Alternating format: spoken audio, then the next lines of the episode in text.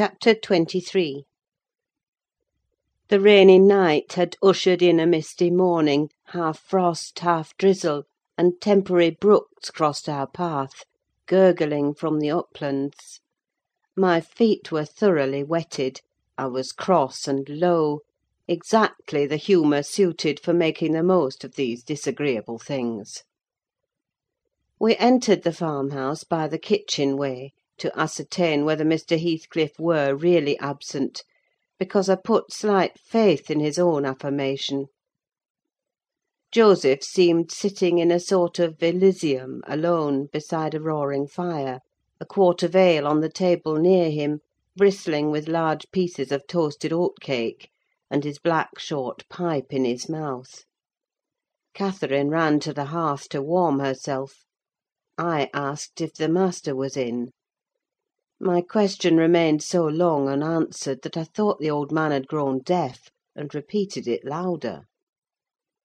"Nay!" he snarled, or rather screamed through his nose. "Nay! you mun go back whear you come fro'." "Joseph!" cried a peevish voice, simultaneously with me, from the inner room.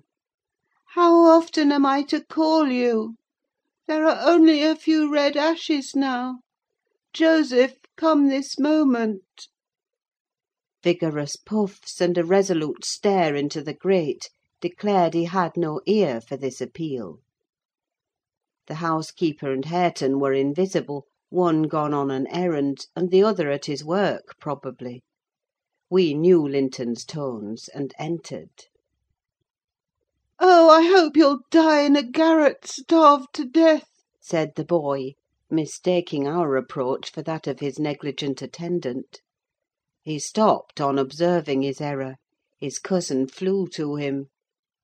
"Is that you, Miss Linton?" he said, raising his head from the arm of the great chair in which he reclined.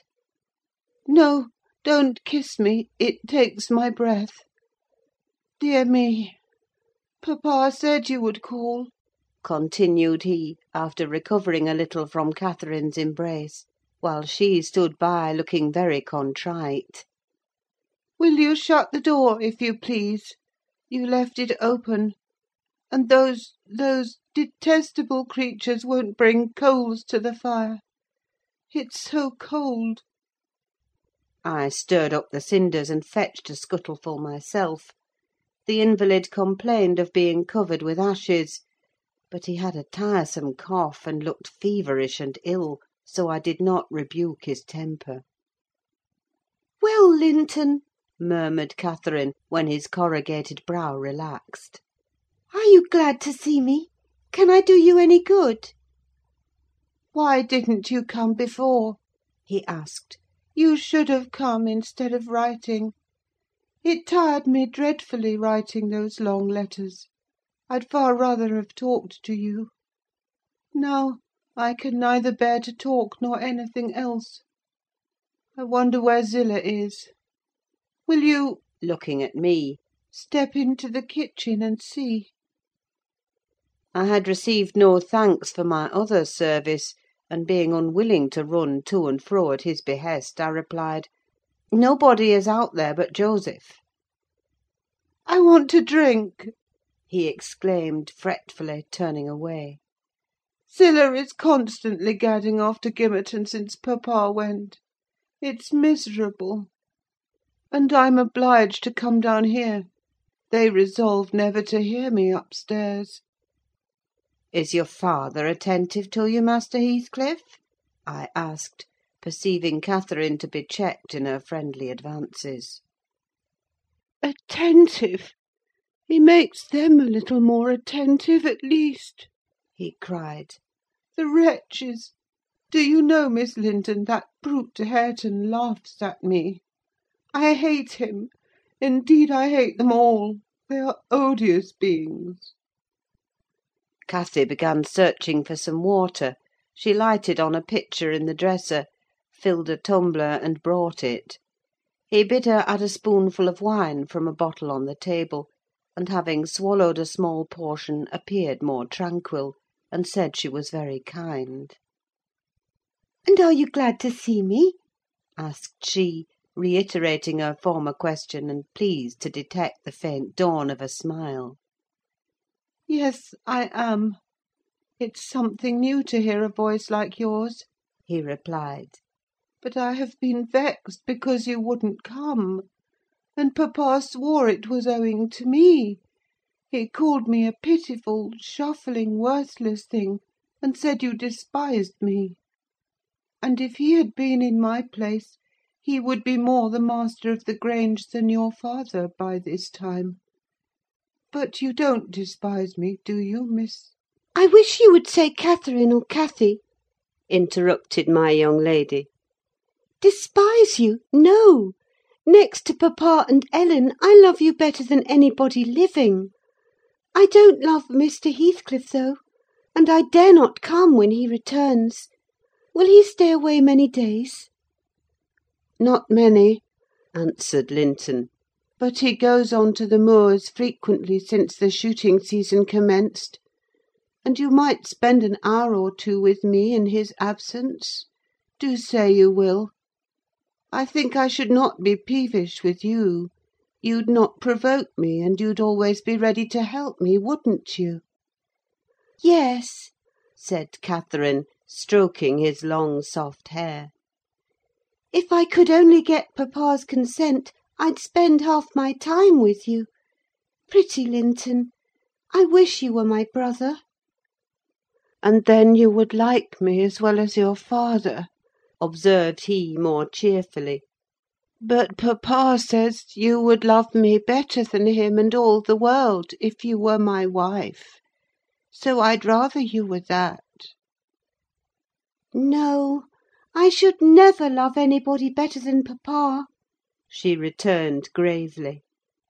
"And people hate their wives sometimes, but not their sisters and brothers; and if you were the latter, you would live with us, and papa would be as fond of you as he is of me." Linton denied that people ever hated their wives, but Cathy affirmed they did; and, in her wisdom, instanced his own father's aversion to her aunt. I endeavoured to stop her thoughtless tongue. I couldn't succeed till everything she knew was out. Master Heathcliff, much irritated, asserted her relation was false. "Papa told me, and papa does not tell falsehoods," she answered pertly. "My papa scorns yours!" cried Linton. "He calls him a sneaking fool." "Yours is a wicked man!" retorted Catherine. "And you are very naughty to dare to repeat what he says. He must be wicked to have made Aunt Isabella leave him as she did." "She didn't leave him," said the boy. "You shan't contradict me." "She did!" cried my young lady. "Well, I'll tell you something," said Linton. Your mother hated your father. Now then—" "Oh!" exclaimed Catherine, too enraged to continue. "And she loved mine," added he. "You little liar! I hate you now!" she panted, and her face grew red with passion. "She did! she did!"